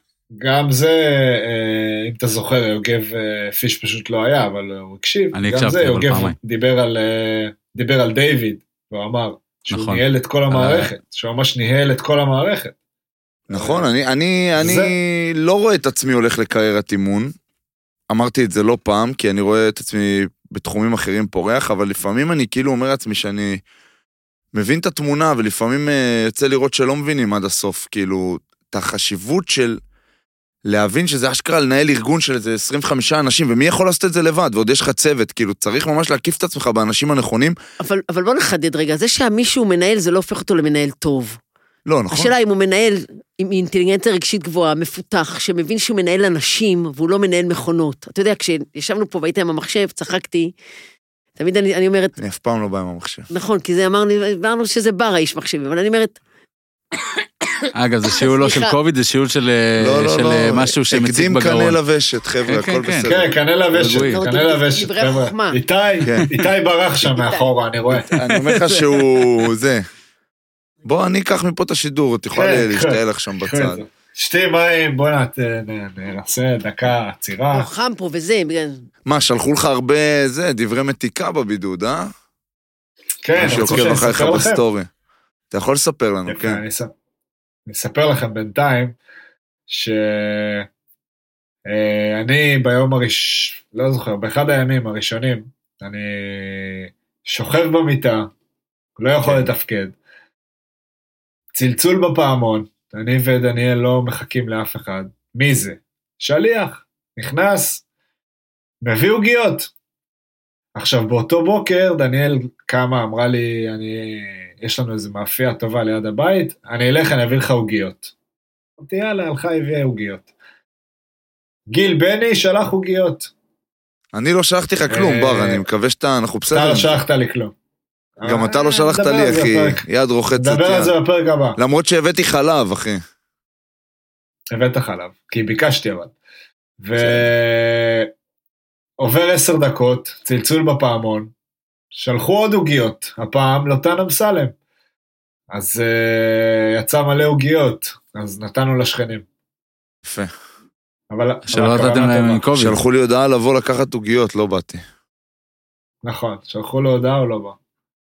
אה, גשם, היה איזה משהו באותו. היה גשם, היה גשם. בואו נחזור שנייה לכתבתנו בשטח, מיכל, מה שלומך? הלכתי- למות לאט לאט. עברת את זה? הלכתי למות. לא, לא עד הסוף, עוד יבואו לי יגלים כאלה, לא נורא. לא נורא, אנחנו איתך. לך פה וחם פה. בר, אה, תחזור ואני אני חייבת לך עוד תשובה. טוב, כי היינו בעניין שדיברנו דיבר על החשיבות מנהל של טיפול. טוב, אה, אה, נכון, 12, טוב. 13 בסגל. לא, אז אמרנו, לא, אבל אתה. צודק, אתה אמרת על זה שזה, שהוא צריך להיות מנהל, ואמרתי, זה שהוא מנהל, זה לא אומר שהוא מנהל טוב. אין, לא, זה לא אומר שיש לו את הכישורים הרגשיים, את האינטליגנציה הרגשית להיות, ואת ההבנה שגם הוא צריך כלים להתמודד עם, אה, עם לחצים, להתמודד עם העומס עליו, להתמודד עם, ה, עם איפה שהוא פוגש את עצמו, את המימוש של עצמו, כן. את האגו של עצמו. ו... ואני אומרת, בסופו של דבר, אם מאמנים היו מבינים שהם צריכים... תראו, ילד שהוא גדל, יש כל מיני תהליכים שהוא מתפתח בהם. אחד התהליכים הכי אינטואיטיביים זה שהוא מחכה מישהו אחר, ותהליך אחר שהוא קצת יותר עמוק זה תהליך שהוא מזדהה. זאת אומרת, הוא רואה מה אחרים עושים, והוא הוא, הוא לא מחכה אותם, אלא הוא מזדהה עם, ה, עם העניין הרגשי. זאת אומרת, בסוף פסיכולוגים תמיד חוזרים ל- לילדות. זה זה מה שאני מצליח להציג. אני חושבת שכולנו בסוף אה, מבינים שהרבה מהדברים שרכשנו היו פעם, ואנחנו משחזרים כן. אותם ככה, או אחרת, לאו דווקא לילדות. זה לא משנה, זה יכול להיות מאוד, אה, מאוד, אני יכולה לקחת כמעט כל בן אדם, ואני אשים עכשיו מאמן שירד עליך וידרוך עליך, וזה לא משנה באיזה ילדות באת, והוא לא, יורד לך את ברור, הראש. אני פשוט... זה אין שאלה. זאת אומרת, בתהליך ההתפתחות אנחנו מזדהים עם תהליכים. אבא שבצד לא יכול להכיל את המתח הזה, אז גם לילד יהיה קשה. וכנ"ל מאמן, מאמן שלא יכול להכיל את הסטרס הזה, אז גם הספורטאים שלו יהיה להם קשה להכיל את זה- הסטרס. הוא ישקף את זה אליהם ישר, והם לא יצליחו. כן. אתה יכול לראות הרבה פעמים, נניח בהרבה ארגונים, איך, איך ההנהלה מתנהלת ואיך השחקנים מתנהלים. אם יש יחסים טובים ועבודת צוות טובה ויחסים טובים, התהליך המקביל למטה הוא גם כן טוב. כן. אם יש סכסוכים ומאבקי אגו, והמאמן שוערים עם, ה, עם, ה, עם המאמן, אה, עם העוזר מאמן עם המאמן כושר, ויש אינטריגות וקשיים. זה גם זה יורד כמו למטה. כל ארגון, אבל צריך שיהיה לגמרי. עבודת צוות טובה נכון. ויחסי אנוש טובים בין כולם, כדי להצליח. כן, יחסי אנוש טובים, זה, זה לא אומר שאין רגעים קשים, זה אומר לא. שיש שיח. זה, שמצליחים לדבר על זה הרגעים כמו הקשים. שבר אמר, הבר יש לו יכולת לתקשר עם אבא שלו גם על רגעים פחות נעימים, כי זה השיח, זה הערך בבית, שמתקשרים על דברים. כן. אותו דבר בארגון. מה את יכולה אה, לספר? אה, גם עם- כן. גם עם אימא, חשוב לציין. שהתחילה וואו. להאזין לאחרונה. אמא זה, שלא אמא זה. הכל, אמא זה הוא מספר פתח אחת. פה את המזגן איתי, כי הוא ראה שאת משתעלת. תראה מה צריך לקרות כדי שיפתחו לנו את קצת- המזגן. כן, כן. לייבש קצת את האוויר. הרג אותי. אני אה, רוצה לשאול אותך על אה, לעוף, כי לא נגענו בזה, אז אם אה, תוכלי להרחיב קצת על ה... כן, לא, לא, אוקיי, לעוף זה, זה משהו שלפני הרבה שנים, אה, פנה למאמן טניס ואמר, יש לי שלושה מרכזים בארץ, בואי תלווי לי את שלושת המרכזים. אמרתי, אני לא יכולה להסתובב בכל הארץ, אין לי זמן. ובגלל ההצעה שלו לקחתי, הוא אמר, תביא אנשים ותלמדי אותם את מה שאת עושה, פסיכולוגים כמובן. לקחתי אנשים שהם פסיכולוגים אה, רשומים. ועבדו כל אחד במועדון טניס אחר, והתחלנו לעבוד בצוות, וראיתי שזה נורא כיף לי בעצם. ואספתי פסיכולוגים טובים, ועשינו המון המון פרויקטים בארץ, גם עבודה אישית, גם בעצם התפרסנו על הרבה מקומות בארץ, גם היום. היום עובדים איתי פחות, כי מאז שהקמתי את סמבדי, יש לי רק 24 שעות ביממה, כן. ואני קמה שעה קודם, וישנה פחות שעות, ולא מוותרת על ספורט ביום, אבל לא מצליחה מה לעשות מה הכל. הספורט שאת אה, עושה היום? רצה וכאלה או? מה שיש זמן, אפילו זומבה, פילאטיס. זומבה, וואו, לגמרי, בר, אם אוקיי. יש לי חלום זה לעשות איתך זומבה. בואנה, אתם לא נורמלים, חבר'ה, תבואו לשיעור. בוא אתם- נעשה, רון. בוא נעשה, זה- בוא נעשה הקלטה יאללה. בזומבה. בואנה, זה טירוף של דבר, זה כשאתה באמת. רוקד 45 דקות מול הראי, והדבר הכי חשוב בזומבה, אני אגיד לכם מה זה, אל תסתכלו על הראי. כן. זה נראה רע מאוד. וואו, זה זה לא המורה פשוט. רוקדת נראה רע. מהמם, ואז כשאני מסתכלת על הראי זה נראה זוועה. אז זה אני לא מסתכלת על פשוט המורה, הדבר הזה, בואנה. זה גן עדן. אבל זה מאמת אותך עם עצמך, בואנה, זה גם פסיכולוגי זומבה, אני אומר לך, זה טירוף של דבר ללכת תקשיב, לרקוד זה, מול זה מראה עכשיו. גאוני, זה גאוני. אני מסתכלת על המורה, תקשיבו ברצינות, היא עושה תנועות כאלה, אני מחקה אותה, אני כמו הילד הזה שהוא בטוח שהוא סופרמן, ואז הוא קופץ מהשולחן, ככה. אני בטוחה שאני רוקדת הכי מהמם בארץ. אבל איזה יופי. ואז אני מסתכלת על הראי ואני רואה שזה זוועה, וזה לא קשור למוזיקה, ואני נהנית עד אין קץ. חלום, את יודעת איזה... זה- אז אה, פרסומת נהדרת לזומבה, כן. לא, זה נשמע. כיף, עזבי. כן, רון, אתה מכיר את אה, בוקי ירון? בטוח. בטוח אתה כן. מכיר. כן. סבבה, אז אני עבדתי איתו שנה אחת, אה, בוקי לא ירון, זוכר באיזה אה, גיל אפילו.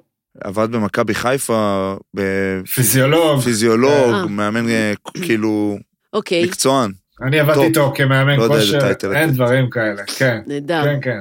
כל הטייטלים נכונים. הוא היה אז בתקופה, בזמנו היה בראשון, והיינו עובדים שם באיזה מכון כושר, היה שם חדרים ענקיים, וכל הזמן היינו עובדים אחרי שיעור זומבה, קבוע. בחדר ענק כזה, ואת יודעת, היינו, היינו נכנסים בסוף, אז היה את החמש דקות האחרונות של הזומבה. ו- וצ... וזה לא נראה טוב במ- בראי, וגם מהצד זה לא נראה טוב, נראה מזעזע. אבל אני אשמח לנסות. אבל לא אני משנה, אשמח אבל- לנסות. אבל זה לא, זה לא, לא, זה, הרעיון, לא, אבל זה לא נראה קל. גופנית. כן, זה, זה לרקוד במשך אה, 45 דקות, ואחרי זה לעשות עוד שיעור פילאטיס, או חדר כושר, לא אה, משנה. back to back את עושה. כמה. שיש זמן. כמה כן. שיש זמן, ואין לי כמעט ביום. אני אשכרה. עושה חור שעתיים ביום במשך היום עבודה, והולכת לעשות ספורט. את נראית לי מאלה שקמים בחמש והולכים לישון בשתיים. לא, אבל הייתי שמחה להיות כזאת, אני לא, אני צריכה יותר שעות לצערי, אבל הייתי שמחה להיות מישהי. זה בזבוז נוראי של זמן. מה, לישון? לא, זה חשוב פיזיולוגית, מה? זה לא אמרנו אם זה זה חשוב גם או לא. כיף, זה- בואו, שנייה, זה גם נחמד מאוד. תראה אותו עם כן. איזה אדום פה. קר לי. הוא עוד שהיה נרדם. לא, בואנה. לישון, זה אשכרה... עדיף לקרוא אפשר- ספר, לראות סדרה, גם. לעשות ספורט, אין גם. יש רק 24 שעות אבל באמת. לישון, איזה דבר מטורף זה לישון. אתה. פתאום מכבד? את עצמך, אתה קם אחרי כן. 7-8 שעות. מה זה השטות הזאת? מדהים. לא, למה לישון זה לא כמו שאתה הולך נניח אה, לראות סרט. אתה אומר, אני קופץ לישון שעה, כאילו שזה יהיה כזה. יש, מה, אני גם עושה כאלה, power naps, בר ואני בסדר, ביחד power naps לפעמים. וזה, אבל. לא- לא בערב, בערב אתה עושה long אחד. לא, אבל לא בלילה, מדברת בלילה. בסדר, אבל מה, אתה נכון, צריך כאילו, את זה, אחי. כן, הבנת נכון, אבל אתה צריך. את זה. מיכל, אני רציתי לשאול אותך שאלה. שאלנה. את פוגשת אולי זה. הגיבור העל הבא. סליחה. זה. שלא צריך שינה או זה שמה? לא, תסגור, תסגור את הנקודה, זה העל. מעניין. זה, זה הגיבור העל הבא. יהיה לו פה כזה כן. זד זד זד כן, כזה. זה- על טוב, זה טוב. איש בוא הקריאייטיב של אה, הפודקאסט. נעביר את זה לבינג'ר מרוויל שלנו. אה, את פוגשת הרבה. ספורטאים. ניצבים פה הרבה. מולך אה, שני ספורטאים ואחד בכירים, בדימוס, כן. שפרש מ- מכדורסל. מרון אני, פרש? אני, אני. אה, אתה. אני, לפני 15 שנה, פרשתי בערך, או לא, וואי, וחס. 30 בערך. אה, לפני שהוא התחיל. נכון. איזה, כאילו, את- איזה, ש- את שומעת על דברים שחוזרים על עצמם ב- ב- בהתמודדות ביומיום, בהתמודדות... טיפה נגעתם בזה בהתחלה ב- בהבדלה בין ספורט קבוצתי לאישי, אבל אה, איזה שהם דברים שנקרא לזה הצהרות של כולם, אם אני יכול כן, אה, כן. לשים את זה ב... כן, פפיש. קודם כל לא עניתי בכלל לברוד על ההבדל בין ספורט אישי וקבוצתי, אם נספיק אני אגיד על זה משהו, אבל אני חושבת ש... לא, מד- לא ספרתי, אבל בתחושה, התלונה המרכזית שאנשים באים, זה אני לא מצליח באימון כמו שאני מצ... אני לא מצליח בתחרות כמו שאני מצליח באימון. זאתי התלונה המרכזית. זאת אומרת, אני, אני מתאמן, אני מבצע ברמה מסוימת, וכשזה מגיע לרגע למאני טיים, לתחרות, וזה לא משנה דרך אגב בר באיזה ענף זה, אישי, קבוצתי, אה, במים, בחוץ, כן. באוויר, בקרקע, עם כדור או בלי כדור, זאתי התחושה. שיש פער גדול בין מה שאני עושה באימון לבין מה שאני עושה בתחרות. זאתי התלונה המרכזית. אה, כן, מגיעים אנשים אחרי פציעה שצריכים, אה, מבינים בסוף, איך אני אומרת, הגוף מחלים, הראש לא מחלים, הלב לא מחלים. המשבר, המשבר איך האימון הזה מסבירה בצלחה. את ה- שיקום, כאילו. הכי, הכי זה. איך את מסבירה את הפער בין אה, ביצוע באימון וביצוע במשחק? זה, זה שני דברים שונים לגמרי. זה כמעט כמו להסביר את הפער בין אה, אה, לשבת בבית לראות אה, טלוויזיה לבין אה, לנהוג. זה שני דברים שונים לגמרי, זה שתי מיומנויות לחלוטין שונות בעיניי, שאחת מבוססת על השנייה. כל, ה, כל, ה, כל מה שאתה נדרש מבחינה גופנית ומבחינה פסיכולוגית הוא שמיים וארץ. סתם, אתה משחק, באימון אתה יכול, אתה יודע, אתה יכול אה, להחטיא אינסוף פעמים, זה לא נמדד לך באופן ישיר, זה לא נספר, אין קהל, אין שופט, אין לחץ, אין זמנים. כאילו באימון יש כל הזמן את האפשרות לתקן, יש את האפשרות ללמוד, בשביל זה מתאמנים, להשתפר, אין לך, שום דבר לא תלוי בך. אה, לעומת אה, משחק ששם מתנקז כל העבודה. כמה יש שעות אימון, עוד בכדורסל זה עוד לא, לא ככה, אבל תחשוב על ענפים אחרים כדי לחדד את הרעיון. ריצת 100 מטר, לצורך העניין. מריצת 100 מטר, אתה מתאמן בשבוע בערך 25 שעות, אתה מתחרה אחת בחודש, לעשר, במקרה הטוב. כן? אם- זאת אם אומרת, אתה טוב. אם אתה טוב, אתה, אתה אה, אה, אתלטים, או תיקח מתעמלות, מתעמלות עושות אה, ארבע דקות. ארבע דקות פעם בחודש, פעם בחודש וחצי, עושות עשר תחרויות בשנה גג, ו- ובלי סוף... אה, אז מה נגיד אה, עוזר ל... כאילו להביא את עצמך לתחרות בצורה טובה יותר, נגיד, מבח... כאילו, מה הטיפ שאת אה, מאמינה בו? ככה על רגל אחת. חוסן נפשי, היכולת שלך לבנות את החוסן הנפשי כן, שלך. אבל כאילו, אבל בסוף, בפרקטיקה, פשוט מתעסקים בלבנות את החוסן הנפשי כדי שאתה תגיע לתחרות ותרגיש שאתה באימון. מסוגל. זה לא, המטרה? לא שתרגיש שאתה אימון, שתרגיש ש... שתאהב את הלחץ. אתה מסוגל. אתה גם לא אמור לאהוב אותו, אתה אמור, זה מה שדיברנו קצת בהסתמכות, אתה לא אמור לאהוב אותו, אתה רק אה, צריך להיות מסוגל לא להיות מושפע ממנו. אתה צריך לדעת לנהל את הרגשות שלך. אני, רגע אגיד על זה משהו. זה אני לא, השורה התחתונה בסוף כן. של הכל. אני לא יכולה להגיד לבן אדם, תהיה רגוע. כשאומרים לי, תהיה רגוע, אני, כל מה שאני רוצה לעשות זה לקחת את הכיסא ולהכניס למישהו לראש. כי זה הכי עצבן אותי שהוא אמר. אז אה, תהיי רגועה, אני לא, נהיית- לא נעשית רגועה, בכלל. אבל, אה, אבל אה, אני כן רוצה שאנשים ידעו לנהל, לנהל את האמוציות שלך, לדעת לנהל את מה שאתה מרגיש. אם אתה יודע לנהל את זה נכון, אז אתה מנהל את זה, אתה משפיע על זה, וזה לא זה משפיע עליך. בסוף כאילו זה לא לנתק את הרגש מהסיפור. אי זה אפשר, ל- מה, זה- אנחנו כן. מכונות? נכון, זה... ו- מה זה, מה, לפעמים אתה יכול למצוא את עצמך, כאילו, עזבי עכשיו לחץ של משחק קודם, אני מדבר על כל תחושה, נגיד, סתם לא שיחקת, נפצעת, אתה מתחיל, למה זה קרה לי, אני מדבר איתך סתם דברים כלליים. למה זה קורה לי, למה זה, אני רוצה להיות ככה. זה הגובה. אני רגע, רגע, רגע אגיד לך, אגיד לך על זה משהו. אדם, פתחת את המחשב, יושב מול המחשב, ולא הולך, אתה יכול לתת בעיטה, להוציא אותו מהחשמל ולזוז. תבוא אחרי שעתיים, עשית ריסטארט למחשב, אין את זה בספורט. דרך אגב, כן אולי יש את זה באימון, אין את זה במשחק. זה הכל מאני טיים. אתה רץ, בא, רץ למתפרצת, מקבל את הכדור באוויר, עכשיו המוח שלו צריך ב... ב אלפיות שנייה להחליט האם הוא חודר עד הסוף לסל, האם הוא עוצר לזריקה, או האם הוא מוריד כדור למישהו אחר. תני איזה דוגמה על שוערים גם ככה, קצת שזה. שוערות זה מקצוע מבריק, נו, אז הנה, ואני מה? מאוד אוהבת. נו, אז אני אתן לך סתם על שוערים. דברי, מה, בשביל מה אנחנו פה? ש- קודם, כל, אה, אה, אתה יודע, זה אמר לי פעם אסי רחמים, שייבדל כן. לחיים ארוכים, אהוב, בתקופות שהייתי בבאר שבע. הוא אמר לי, חלוץ יכול להחמיץ עשר פעמים, פעם אחת הוא ישים גול, הוא כוכב. הוא אומר, אני יכול לעצור, לעצור עשרה כדורים, גול אחד קיבלתי, יורדים עליי. אז, אז אני אומרת, גם מבחינה פסיכולוגית, הבחירה, אולי הלא מודעת של, של שוער להיות תחנה אחרונה, היא מאוד משמעותית. אתה בסוף, אתה התחנה האחרונה. יש לזה עוצמה מאוד מאוד גדולה. בעיניי שוער טוב זה בעיקר שוער שיודע לנהל נכון את ההגנה שלו, יודע להפעיל את האנשים. אם הוא עובד טוב, הרבה כדורים לא יגיעו אליו. מקרוב, אולי מרחוק, מחוץ נכון, ל-16. מסכים. צריך, שוער טוב זה מנהל של ההגנה שלו. עכשיו נניח סתם, בוא ניקח בעיטות אה, פנדלים, עשו על זה הרבה מחקרים, אני לא יודעת אם ראית או קראת כן, על זה ראיתי. מחקרים. זה הכי ש- פסיכולוגי. זה גם הכי פסיכולוגי, אבל כאילו, מה שמצופה משוער, זה שהוא... זה אה, לבחור פינה, ובסוף הכי טוב. זה להישאר באמצע, לא בהכרח, זה שליש, שליש, שליש, אוקיי? היום יודעים שליש, שליש, שליש, שליש מהבעיטות ניבטות ל- לצד הימני של השער, שליש לאמצע ושליש שמאלה. אבל יש הטיה, הטיה קוגניטיבית מצפה מהשוער לקפוץ, אוקיי? כי בעצם... כי אם הוא לא יקפוץ, הוא הוא הוא יצא יתפרש אשם. כאילו, וואו, לא ניסה. נכון, הלחץ בבעיטת בבעיטת, אה, 11 מטר היא על הבועט. כי הוא זה שמתבקש להצליח. השוער, אם הוא יחטוף גול, זה בסדר. ואם הוא יצליח לעצור, אז הוא, הוא גדול מכולם. ולכן הוא חייב להיות בעצם, בגלל ההטייה הזאת שרוצים לראות אותו בתנועה, הוא חייב להיות בתנועה כדי לא להיות אשם בגול. אבל בתכלס, הרבה מאוד פעמים הוא צריך להיות שוער שלא ידעו לאן הוא, לאן הוא קופץ. שידעו שלפעמים הוא עומד, ואז הוא בעצם... שתדעי שהיום אפשר לקפוץ גם, כאילו יש בתוך השליש שליש שליש הזה, אפשר לחלק את זה לשיש, כאילו לשישיות נכון. גם, ולקפוץ חצי אמצע ולהשאיר את הרגליים באמצע. נכון, מחלקים, בכלל מחלקים בכל המחקרים שעושים ומודדים, מחלקים את השער לתשע קוביות, ואני רק יכול לגלות לך שמישהו יודע לבעוט פנדל טוב. לא, אין סיכוי, לש... אם, נכון. אם בעטו מושלם, אין לך למטה. סיכוי. שתי נקודות למטה או לשתי נקודות למעלה, שוער פיזית לא יכול להצליח להגיע לזה. למטה יותר קל, אבל אם בועטים ממש לחיבור נכון, בפנדל, מאוד מאוד אפשר. קשה. נכון. אבל- שדרך אגב, אתה יודע, שחקנים תעמדו ותיבטאו עשרות אלפי פעמים עד שתצליחו. כן, אבל בסוף זה אימון, ואז את באה למשחק, והכל... אה, זה יפה. פ- לבעוט פנדל, זה הדבר, אולי הסיטואציה הכי מלחיצה בכדורגל שיכולה להיות לבועט פנדל. יש לו רק מה להפסיד. נכון, אבל יש פה, יש פה, כאילו. אבל יש פה משהו, משהו אחר. אחד, זה שזה מיומנות סגורה, זה הדבר היחיד בכדורגל, שזה תלוי רק בבועט. זה לא מי מסר לו, כן מסר לו, מצ... כלום, זה אבל תלוי זה רק תלוי בו. מאוד בסביבה גם. כי אני עכשיו, לא. מישהו בא לבעוט לי פנדל, ואני בא לוחש לו דברים לאוזן שאני לא אגיד פה במיקרופון.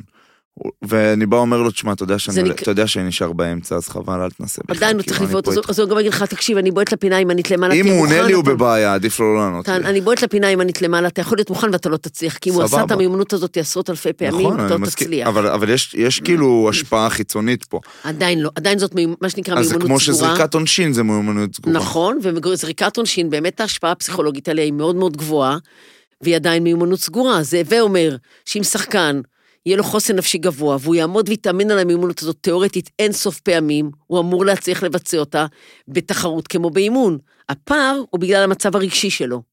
זה בדיוק האלמנט הפסיכולוגי. בגלל זה יש כל מיני סתם כאלה, מין עוגנים כאלה. אני זוכר שפעם, אני זוכר שהייתי ילד, בא אלינו איזה פסיכולוג למכבי חיפה למחלקת נוער, הוא סיפר על אה, דרק שרפ, שיש לו איזה שיטת נכון. אה, נשימות, שלוש-שש כזה, לפני עונשין, משהו. יש, יש, יש לאנשים טקסים, ותפקידו של טקס זה לעשות, אה, תכף אולי גם בוא לבר נשמע יש את הטקס של בר. יש בר, יש לך טקס? בשביל לעשות shut down קצת. כן. קצת להרגיע, להעסיק את המוח במשהו אחר. מה, מהעונשין? כן.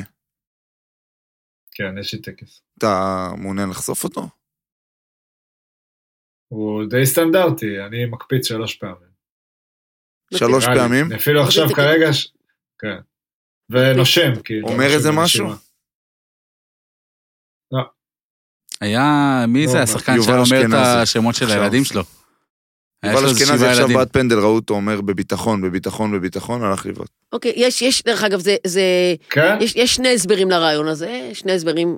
אחד, זה שזה כמו אמונת תפילה, אם אני אעשה משהו, אז אני אצליח. ושתיים, זה באמת טכניקה שבה אתה מעסיק את הראש במשהו אחר, ואתה מעסיק, ואתה, אתה מעסיק את הראש במשהו אחר, ואתה לא מעסיק את הראש בפחדים, כן, אני הכי טוב, אלא הראש שלך עסוק.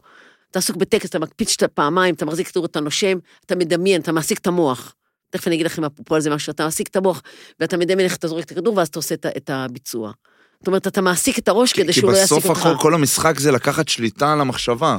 או ש... או על, הרג... או על הרגשות. או על הרגש... הרגשות שולטים על המחשבה, ואז לנהל נכון. אותם נכון. אז נגיד, יש גם על זה ויכוח מי שולט על מי, אם זה הרגשות על המחשבה או המחשבה על הרגשות, אבל בסופו של כן. דבר יש שם איזשהו מהלך פנימי, לא ניכנס אליו יותר עמוק, של איזושהי- איזשהו שיח בין המרכיבים השונים של הנפש. כי בסוף כל אחד לדעתי מנהל איזשהו שיח עם עצמו. כאילו, יש לך ממש שיח, זה כאילו שני, שתי ישויות שאתה... טוב, כאילו, לפחות אצלי, לא יודע, אולי אני פה...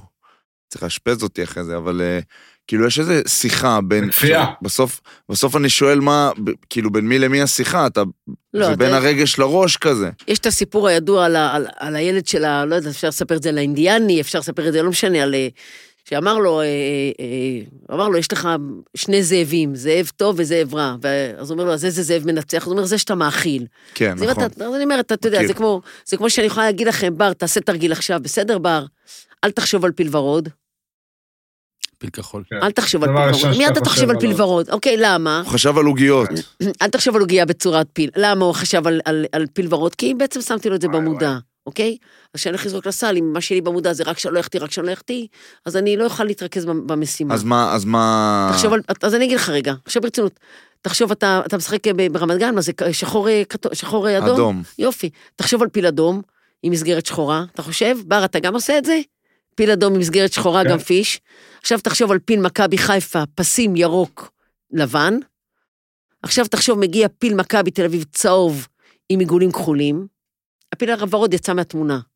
עכשיו, איך, למה הוא יצא מהתמונה? לא היה פיל ורוד. נכון, כי נכנס לך דברים אחרים לראש. אם אני אעמוד על. על הזריקה, ואני אגיד, עכשיו אני מדייקת, אני בביטחון בביטחון, אני סומכת על עצמי, אני אסתכל על הסל ואני אזרוק, זה אפרופו טכניקה אז, מנטלית. אז, את- אז, אז במילים, כאילו, אני מנסה ל- לרדת לפרקטיקה, במילים את אומרת שכאילו מה שצריך להוציא מילים, או פשוט ל... לא משנה, כל אחד צריך... מנטרות כאלה, כי כן. נגיד מורן סמואל הייתה אצלנו פה, חיים, המדהימה, מדהימה. וסיפרה שיש לה, שיש לה כל מיני מנטרות כאלה, שהיא כן. נכנסת בהן, שהיא כאילו, אני נחושה, אני חזקה, אני יוצא, כן, כאילו, יש כאלה זורקת שזה עוזר להם, ויש כאלה שזה לא, יש כאלה שצריכים את אז את. אומרת פרי סטייל, כל אחד הוא אינדיבידואל, מה שעובד לאחד לאו דווקא.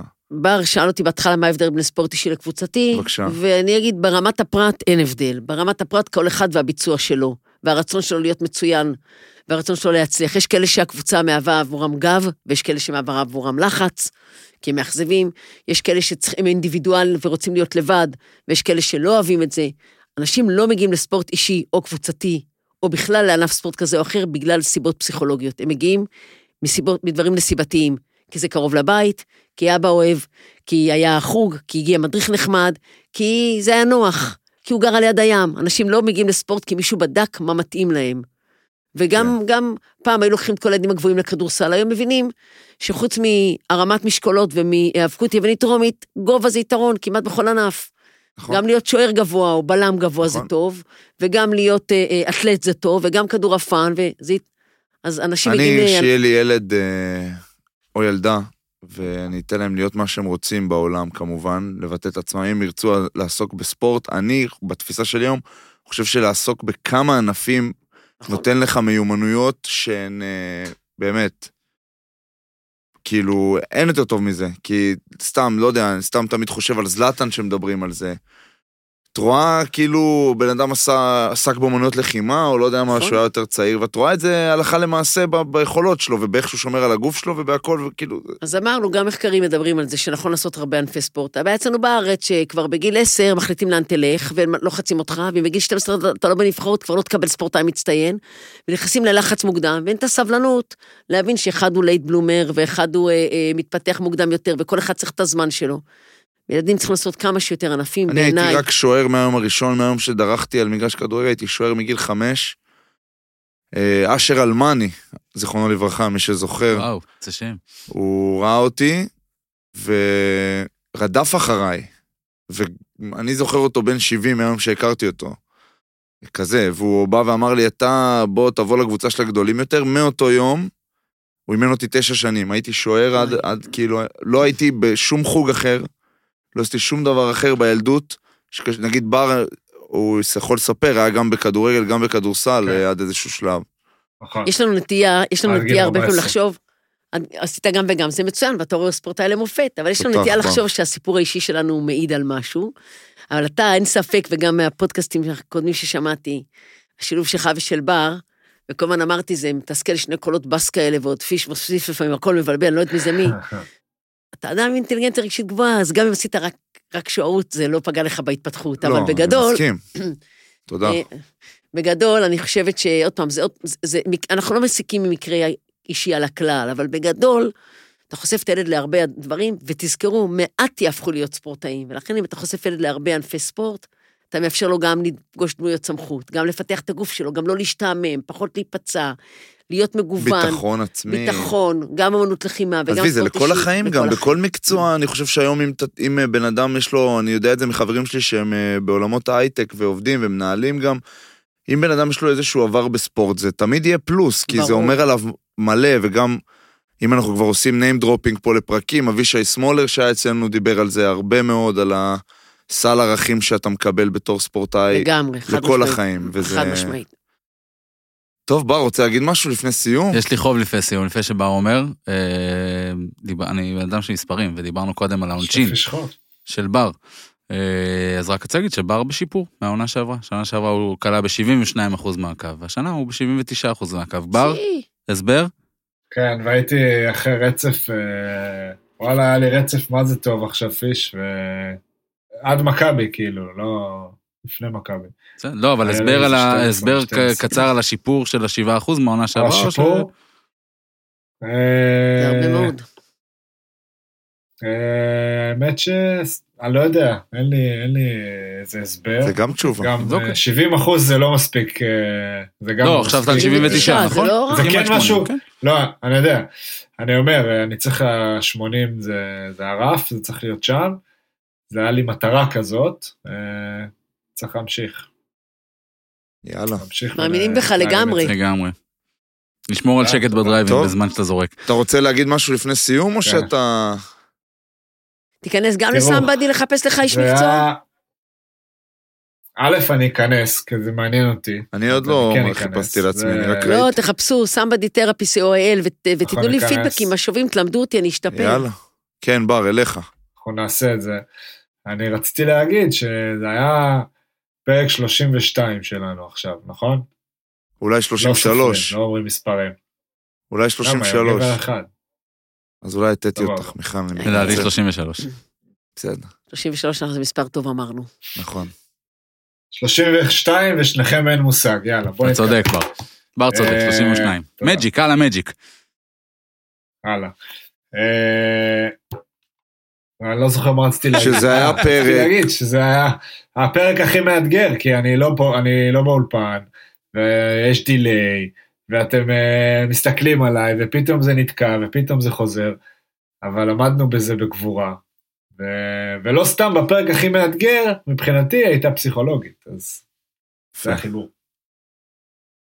בר, חבל שלא היית באולפן, דממה אבל... באולפן. אה, אני אומר לך שהיא אוהבת אותך, אהבה גדולה, אני באמת, אני כי לא אני- ראיתי... את ה- כי אני לא, נבונה. זה בסדר. כי אני בחורה נבונה. חד משמעית, זה אדם לאהוב אותו, אני... נכון, זה אני... מרגש אותי. אני גם- אם אני אוהבת אותו, אני גם אוהבת כבר אותך. אני חושב שאת, אה, שאנחנו אוהבים. אחד את השנייה מהרגע שדיברנו כבר, אני ואת. טוב, חבר'ה, מה מה עוד אני אגיד? מיכל, קודם כל תודה. אה, רגע, אה. אולי נגיד. תודה, רגע, רון, רון, בוא כן? נגיד תודה לשידוך של הפרק. אני לא זוכר. לדקלה? לדקלה, אולי לא.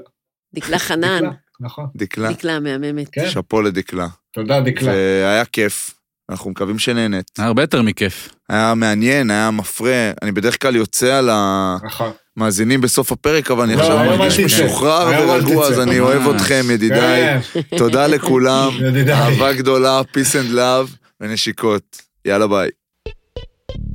ביי חברים.